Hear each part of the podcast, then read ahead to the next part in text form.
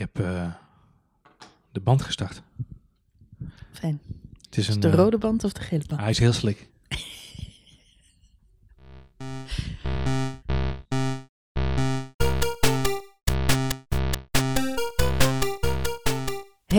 en leuk dat je luistert naar een nieuwe aflevering van F1 Spoiler Alert, de podcast over Formule 1. En deze week gaan we het hebben over de Grand Prix van China 2019. Die werd afgelopen zondag gereden. Het was ook de duizendste Grand Prix in de Formule 1.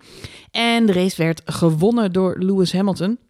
Het was opnieuw een 1-2'tje voor Mercedes. Dat was de derde op rij deze keer. Want Bottas die pakte de tweede plek.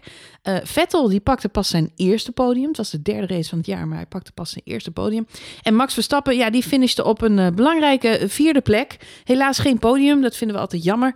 Eh, maar hij staat wel derde in het wereldkampioenschap. Dus wat dat betreft toch goede cijfers voor de Nederlandse coureur.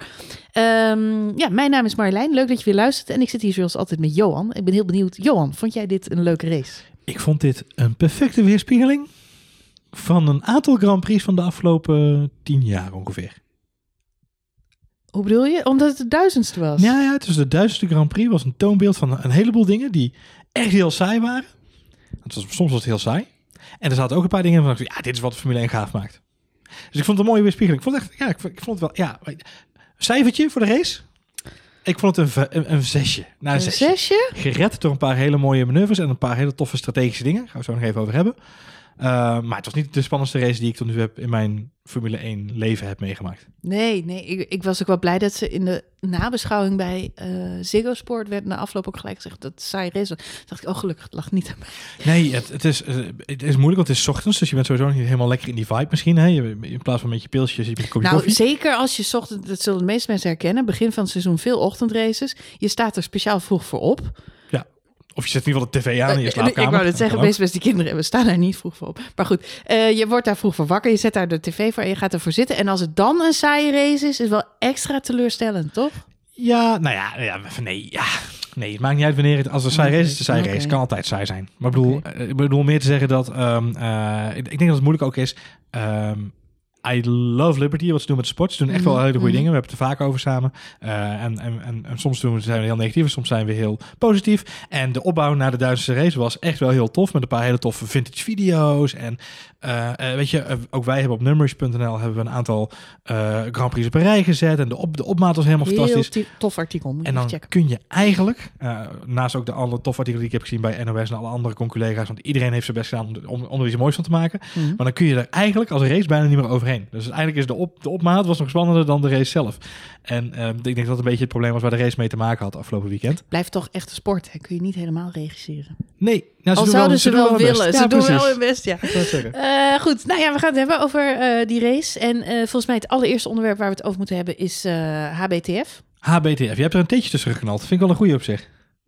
Ja, maar dat is toch gewoon het volledige acroniem? Ja, nee, het was, het was voor, het, het- mijn hashtag was voorheen HBF, Ja, maar je hebt er een theetje tussen gezet. En ik ben, dat, dat maakt het nog wel extra HBTF. sassy. Ik hou er wel van. Hashtag HBTF. Het blijft toch Ferrari. Ja, exact.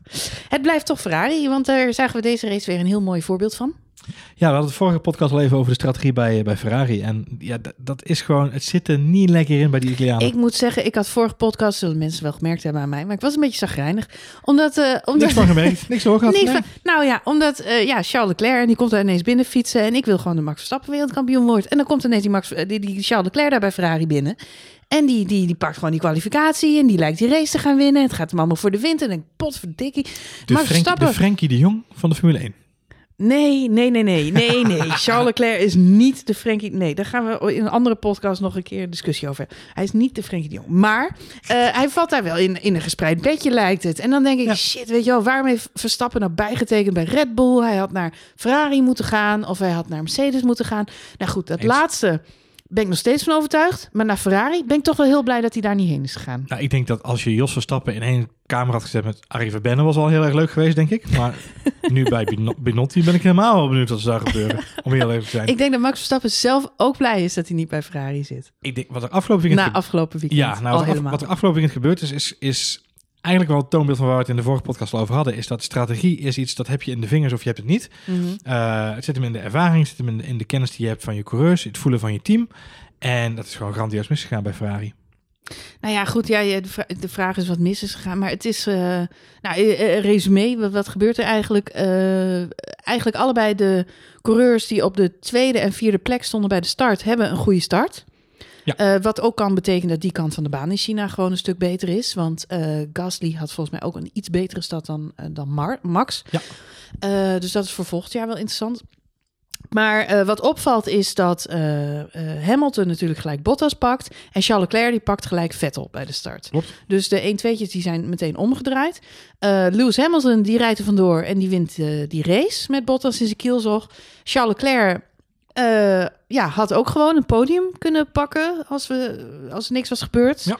Maar in plaats daarvan krijgt hij, nou volgens mij ronde 10 of zo. Het is echt vrij aan het begin van de race krijgt hij te horen dat hij Vettel voorbij moet laten gaan. Klopt. Terwijl de rondetijden van beide coureurs op dat moment gewoon gelijk zijn. Ronde 11 krijgt eh, Leclerc te horen inderdaad eh, dat hij aan de kant moet. Ja. Daarvoor, even daarvoor hoorden we ehm, Vettel al even vragen, jongens, wat gaan we doen? Eh, I'm losing a lot of time here. En ook een beetje de welbekende eh klaagzang der coureurs als ze achter elkaar rijden. Ehm, waarop eh, het team van Ferrari keurig reageert, nou, we zijn aan het kijken en work it out. En vervolgens twee ronden later horen we inderdaad het commando over de, over de boordradio dat, dat als Leclerc niet doortrapt, dat hij Vettel langs moet laten. Je hoort op dat moment, je hoort de, de, de frustratie in de stem van Leclerc. En dat is de frustratie van de teamorde, maar ook van zijn kwalificatie. Want hij had gewoon een hele slechte kwalificatie. Dus hij wilde iets bewijzen. En hij wordt dus het team in de kiem gesmoord. Ja, wat heel erg is. Want eh, ik zei tegen jou, ik, ik ben het wel gewend dat Barrichello moet vaak aan de kant. Ja. En eh, later moest... eh nou, heeft daar nog steeds last van. hè? Als je nu in Sao Paulo over straat rijdt, gaat hij nog vaak aan de kant. ja, Zit je een rode auto aankomen, Ja. je oh jongens, ga langs. moet even weg. Nou, Massa was er ook zo een. Die ging Ja. altijd aan de kant. Ja. Eh, nou, in het verleden, we hebben het al eerder over gehad. Eddie Irvan had je vroeger, maar die ging dus niet aan de Nee, kant. Dus nee. die moest er gewoon wieberen. Was ook was, Bij, in constant in het team. Ja, nou die ging ook goed. niet aan de kant. Ja. Nou, dat was gewoon toch iets te flamboyant naast uh, Michael Schumacher. maar met andere woorden, Ferrari heeft altijd coureurs. eh, zelfs Kimi Räikkönen is een fantastische coureur. Maar het interesseert hem gewoon geen bal. Hij was daar in dienst. Als hij aan de kant moest, dan ging hij aan de kant. Hij was één keer wereldkampioen geweest en dat was goed zo. En Sebastian Vettel, daar is gewoon een soort... Ja, daar is iets omheen gebouwd. En ik, Ja. ik moet eerlijk zeggen, na de eerste twee races van dit seizoen dacht ik...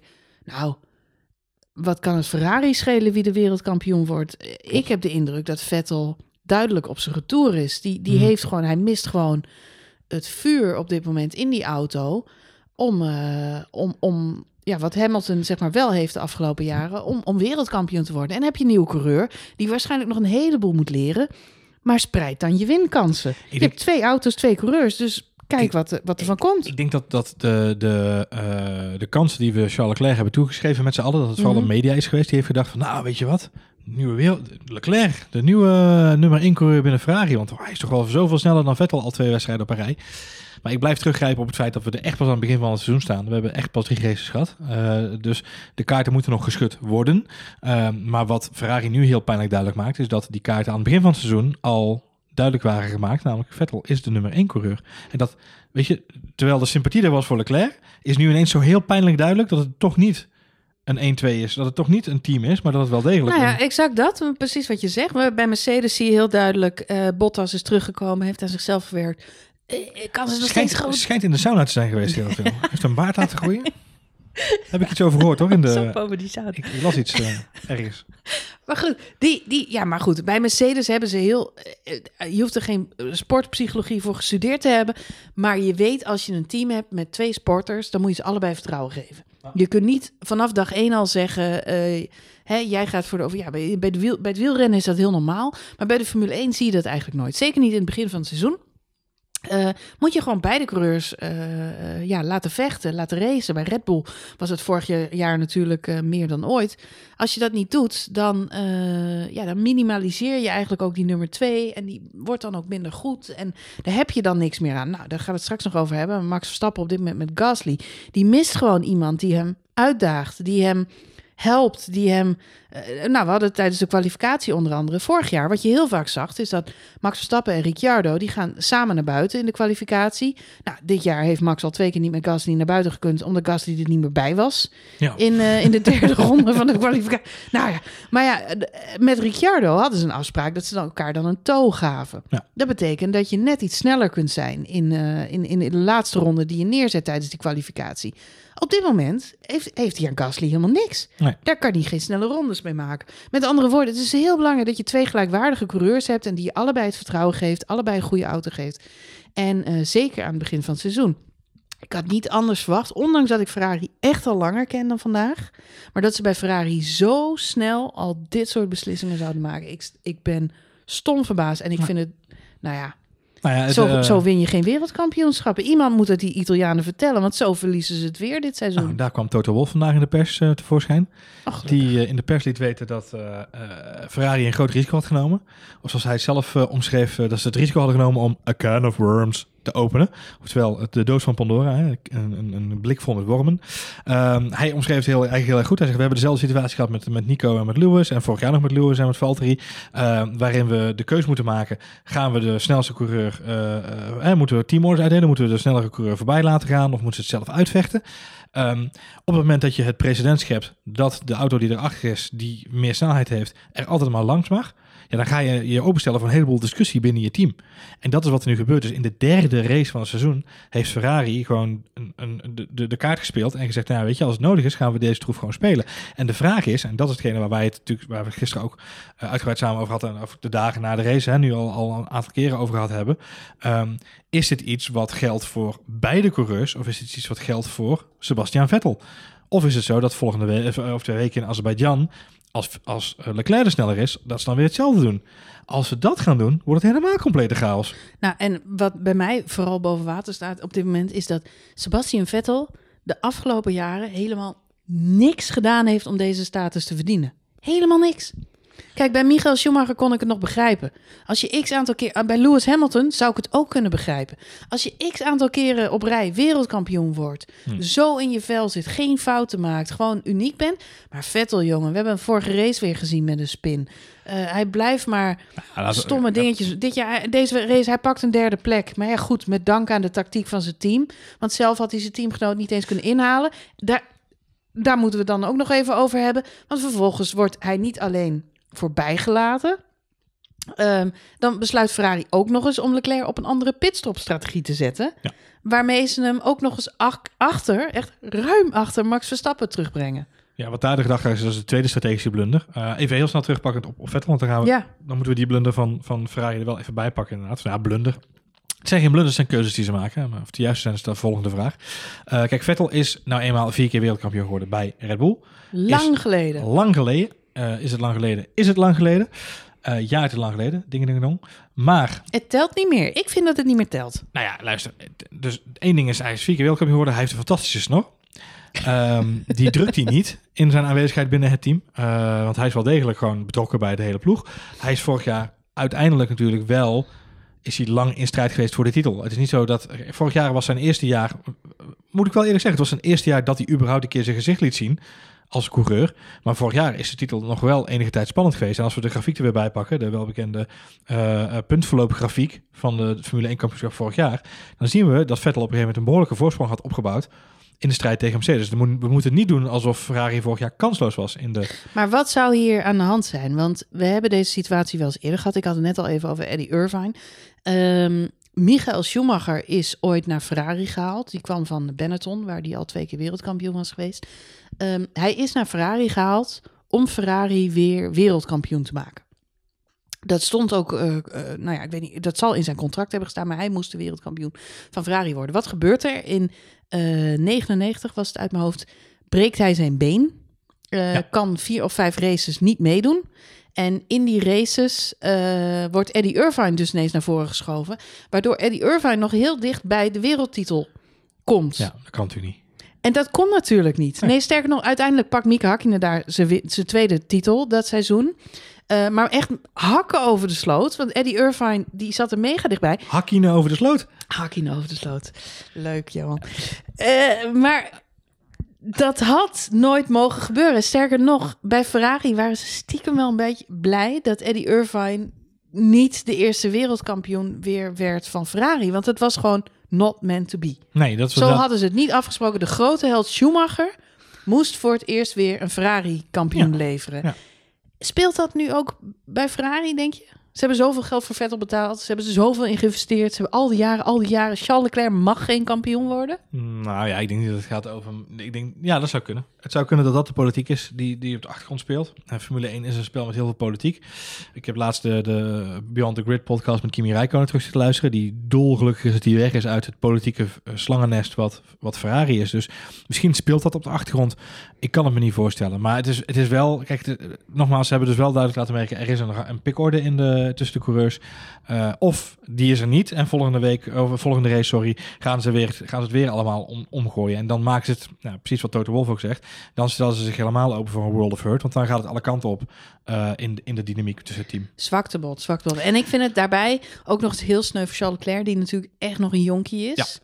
Om in deze fase van je carrière al zo'n klap in je gezicht te krijgen. Dat Ja, nou ja, niet tof. het, het, het kan, het kan eh, ook eens voordeel uitpakken. De zin van hij kan er ook getergd door raken. En uiteindelijk meer uit zichzelf halen. Dat Wat eh, dus inderdaad de tweede strategische fout van dit weekend was bij eh, onze vrienden van HBTF. Het blijft toch Ferrari. Ehm, is inderdaad de pitstopstrategie van Charles Leclerc. Werd uiteindelijk veel langer buiten gehouden op de witte wangetjes. Ehm, eh, dus eigenlijk de, de, de hardste band. Die het meest, eh, meest, eh, minst slijt, maar daardoor ook het minst snel is van, de- van de hele bubs. Eh, werd twee keer eh, undercut door de Red Bull van Max Verstappen. Kwam de eerste keer 11 seconden achter Verstappen terug. De tweede keer, ik meen ergens rondje 45 of zo. Zelfs op 15 seconden. 14, komma nog, nog iets, zeg maar bijna 15. Ehm, ging op dat moment echt plan gas. letterlijk en figuurlijk. En reed echt wel, deed echt wel zijn best. Maar iedereen wist ook wel op dat moment dat hij dat niet meer ging goedmaken. Achteraf werd bekend dat de strategie van Mercedes was geweest dat Leclerc naar buiten was gehouden om Bottas af te remmen. En dan denk ik, Bottas, Bottas, even denken. Die eindigt 7 seconden voor eh, Sebastian Vettel. Die strategie is dus niet gelukt. Nee, Als dat je uitleg is. Daarnaast is Vettel nooit in de buurt geweest van Bottas. Er is nooit een gevecht geweest nee. tussen Bottas en. Vettel. Dus dat slaat helemaal nergens op. Charles Leclerc heeft dit zelf ook in de pers verklaard, hè? Ja, nou, dat geloof ik wel. Dat, dat, dat, dat hij, en ook dat hij dat een goede strategie vond van Ja, zijn dat team. wel inderdaad. Ja, ja dat heb ik gelezen. Ja, dat, dat vond het was goed dat het team dat gedaan heeft. Maar daarom het is, zeg ik, het is wat jij keurig. zegt. Het is, ik heb het niet gezien. Niemand heeft, eh, Mercedes heeft volgens mij ook geen last van gehad. Dus ik het weet niet is of misschien sneu. heeft hij het zelf wel verzonnen. Nou, het, Maar goed. Is, het is heel sneu. Het is een sneu... sneu eh, Maar wel fijn voor Max, want die wint een plekje dankzij eh, deze... Nou ja, die, dat- en, en terecht. Ja, maar ook een terecht gewonnen plekje voor Red Bull. Strategisch gewoon weer heel goed. Ja, absoluut. Als je het hebt over twee tegenpolen qua strategie, nou, dan heb je tijd te pakken. En dan moeten we het eh, toch nog even, als we het dan nu over Red Bull hebben, een puntje voor eh Voor Gasly. Gasly. Ja, ik las, ik las een leuke discussie nog ergens. Dat ehm, eh, de discussie was. Eh, Olaf Mol zei op de, in de, in de. Ik weet niet meer wie het was. Ik, volgens mij zag ik het op Twitter voorbij komen. Kan ook zijn dat ik in de pers gelezen heb. Maar Olaf Mol zei op de, op de, eh, eh, bij zijn commentaar: zei hij, Ja, joh, Gasly, ga je gang. Omdat het kan. Iemand, ik zag iemand reageren. En als je, als je luistert en je hebt de, tweet geplaatst, tweet even naar me. Dan, dan geef ik je de eer die je toekomt. Ehm, die, die reageerde met niet alleen omdat hij het kan. Maar ook omdat ze dat extra puntje weer weghouden bij Mercedes. Eh, want het extra puntje zou anders naar Mercedes zijn gaan, ook in het constructeurskampioenschap. En dit is ook weer een puntje wat Max weer verder kan helpen. Dus ik vond het heel, eh, best wel over nagedacht dat Red Bull heeft gezegd, weet je wat, we gaan Gasly gewoon proberen. Als het hem lukt, is het mooi meegenomen. Lukt het niet, nou, hebben we het toch geprobeerd. Ja, ik vind het heel goed. Ik vond, eh, om, om die reden vond ik het inderdaad goed. Los daarvan, inderdaad, omdat het kan. Ze hadden gewoon marge. Want Gasly is uiteindelijk 60 gefinished. Dus hij pakt sowieso natuurlijk punten. Ja, die reed echt in niemandsland. Ja, die reed helemaal in niemandsland. Dus ze halen hem naar binnen, zetten hem op die rode banden, zodat hij de snelste ronde eh, kan pakken. Eh, Olaf Mol deed daar nog een beetje blasé over. Want, en ik zag het ook hoor, want de eerste twee sectoren was hij groen. Dus hij ging ja. nog helemaal niet hard genoeg. Maar in de laatste sector pakte hij paarse tijd en uiteindelijk de snelste ronde. En dat was het moment dat Lewis Hamilton al over de start eh, finish kwam inmiddels. Ja, ja, ja. Maar hij pakt die ronde wel. Maar het was natuurlijk ook belangrijk om Pierre Gasly even een opstekertje te geven. Ja, want eh, daar was hij wel even aan toe. ja, die kon het wel even gebruiken inderdaad, ja. Die heeft het echt zwaar. Ja, maar dat laat hij ook iets te veel merken naar mijn zin. Ja, dat is waar. Het werkt bedoel, je, natuurlijk, natuurlijk heb je het zwaar, natuurlijk is het moeilijk en natuurlijk moet je eh, aanpoten. Ja. Aan de zijn tegenpool eindigde achter hem op 30 seconden afstand, Ricciardo. Ja. Heeft het ook zwaar, eh, Ja. maar blijft zoals we hem kennen altijd lachen. Eh, en viert ook gewoon een zevende plek met heel veel eh bravoer. Van jongens, dit is maximaal wat erin zat. Mijn collega is niet gefinished, dus ik ben hier heel blij mee. En dat zou Gasly ook sieren. In plaats daarvan hoor ik Gasly na twee races al klagen dat hij niet nog geholpen wordt door het team. Ja. Nou, dat is voor mij betreft is dat een sollicitatie naar Wieberen en een andere coureur neerzetten. Maar Overigens bleek onze analyse uit de laatste podcast wel een beetje te kloppen, heb ik nu begrepen. Want Adrian Newey heeft inmiddels een interview Klopt, gegeven dat eh, de Red Bull dit seizoen gewoon ook echt heel lastig te besturen is. Ja. Dat het alleen voor de grote der aarde is weggelegd. Dat een Senna of een Schumacher wel raad weten met deze auto. Maar dat Gasly er gewoon op dit moment een beetje moeite mee heeft. Ja. Eh, en toen werd hem nog gevraagd van, en, en Max dan? Oh nee, Max die had er geen enkele moeite mee. nee, Max, Max Dus, kon het eh, heel stuk beter. Die Hij- kon het makkelijk was, hij, hij gaf daarin ook een beetje de uitleg tussen eh, Max en Vettel. Hij zei ook, hè, Vettel had altijd, als je, als je Vettel een goede achtervleugel gaf, Ja. dan kon hij alles met die auto. Maar zodra het daar iets in misging, dan, dan ging die auto alle kanten op. En Max maakt het maximale van wat hij krijgt. Ja. Eh, en dat, vind, dat vinden ze binnen Red Bull toch gewoon. Ik zie het ook terug in de, in de manier waarop hij nu op dit moment door Christian Horner wordt eh, gepositioneerd op social media. Eh, Max wordt inderdaad als een solid performer neergezet. Vandaag ook weer een interview uitgekomen van Christian Horner.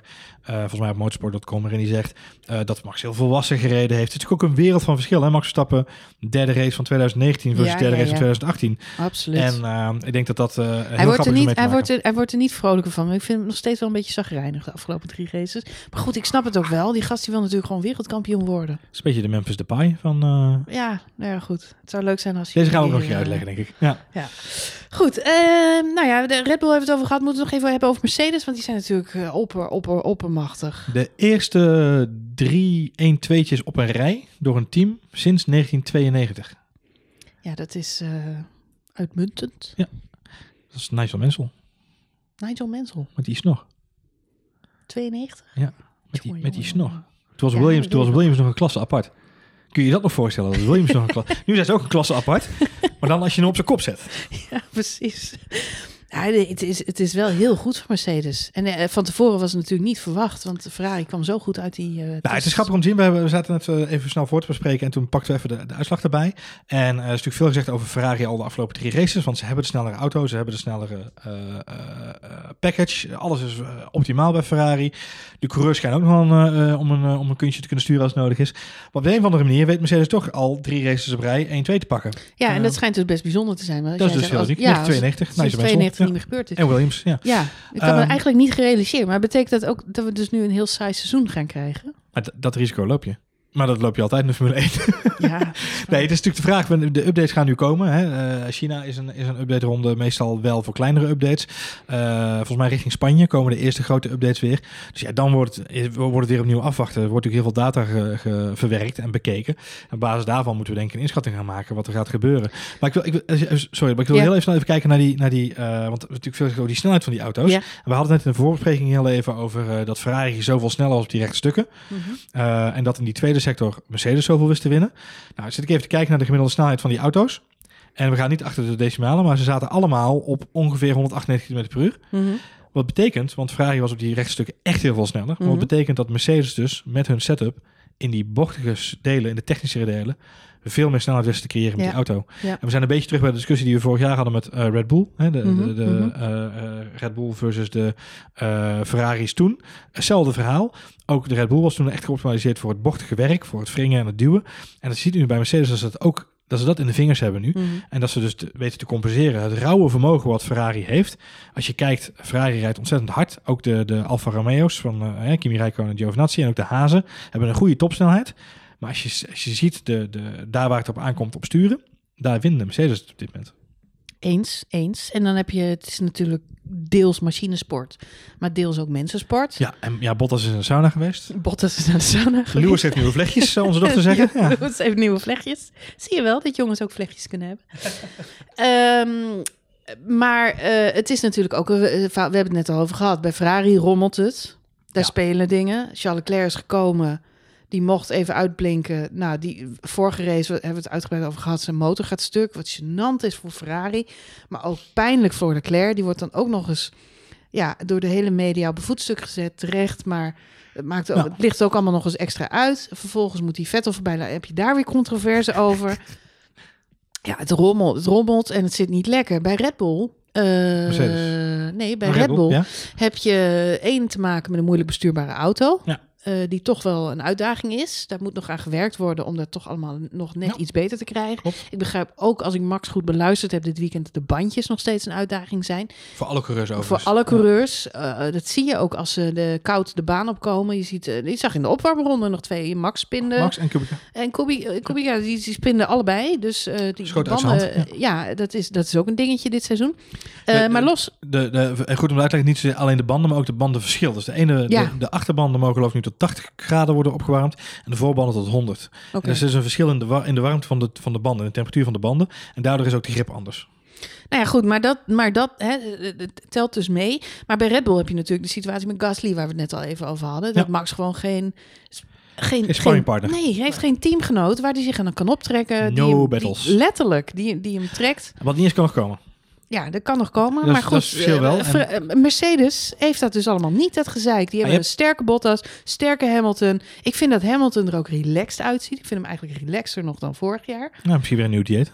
Ja, je weet het niet. Maar hij ziet er gezond uit, uitgeslapen. Hij is eh, ontspannen. Niet zo overdreven. Hij heeft dat hele gedoe met die fans ook eh, iets. Ja, hij heeft een heel klein beetje geminimaliseerd. toned it ik. down, ja. Nou, ik denk, ik denk dat het wat, wat leuk is om, om, om als je het zo beziet op een afstandje, dan, dan zie je dus aan de ene kant zie je ehm, eh, de organische groei van een teamhierarchie. Red Bull is, is organisch. Daar wordt gewoon door de prestaties van de coureurs wordt bepaald wie daar de eerste en tweede coureur zijn. Bij Ferrari zie je dus geforceerd en wat voor effect dat kan gaan hebben op de lange termijn. En bij eh, Mercedes zie je eh, eh, de effecten van een harmonieuze samenwerking. Ik denk dat Bottas en Hamilton echt wel met elkaar een klik hebben. En dat dat, ondanks het feit dat we daar natuurlijk al veel grapjes over gemaakt hebben, dat daar echt wel rust is in het team nu.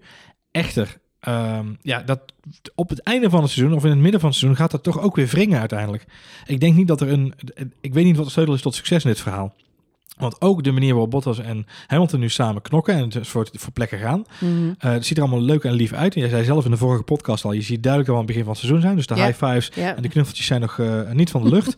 maar vanaf, wat ik al zei, eh, vanaf de zomer, dan gaan we zien wat er, hè, dan worden de messen geslepen. En dan moet ik nog maar zien of het echt zo harmonieus is binnen Mercedes en wat er dan gaat gebeuren. En de Toto Wolff die vandaag kritiek heeft op Binotto, heeft dan misschien weer zelf, Zelf, de keuze te maken om, om daar een gelijk, te maken. je. Dus ik vind het wel leuk om dat op een afstandje te zien. Dus Ja. eh, eh, organisch, een geforceerde teamhierarchie en een, ja, en een harmonieuze samenwerking. Bottas heeft in elk geval wel voor gekozen om zijn... eh he, he keeps his head down, om het zo maar te zeggen. Ja. Hij, als, een, als een sluipschutter gaat hij op dit moment te werk. Want in het seizoen met Lewis Hamilton en Nico Rosberg... zagen we natuurlijk juist in de start van het seizoen...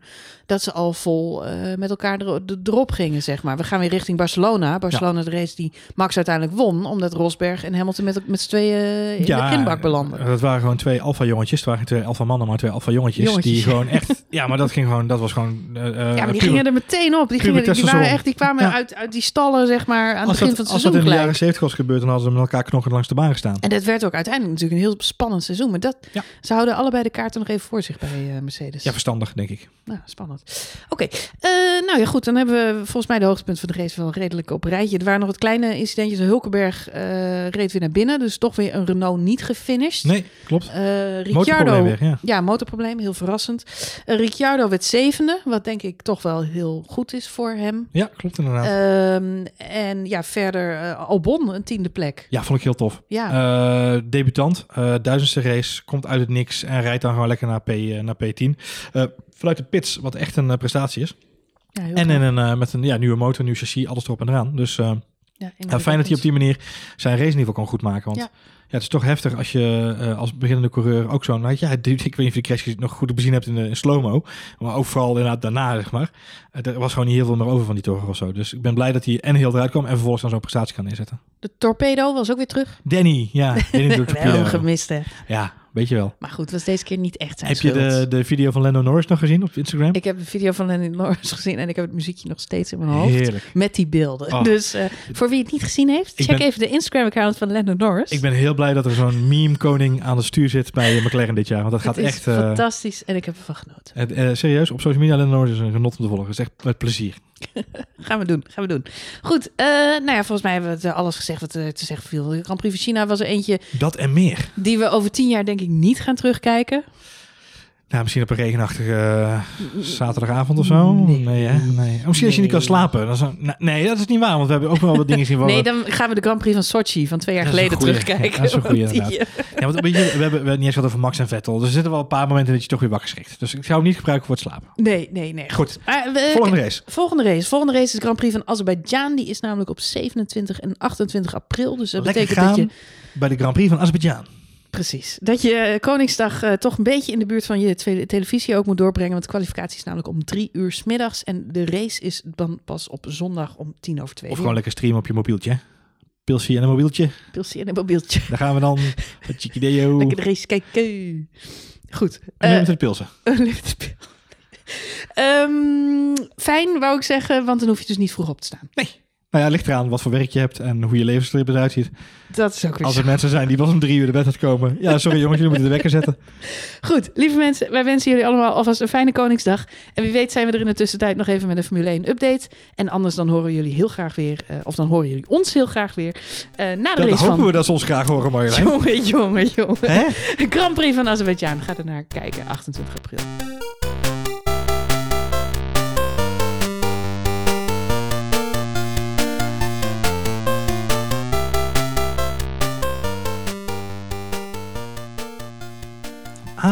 Dan horen jullie ons graag weer. Waar komt dat vandaan, Marjolein?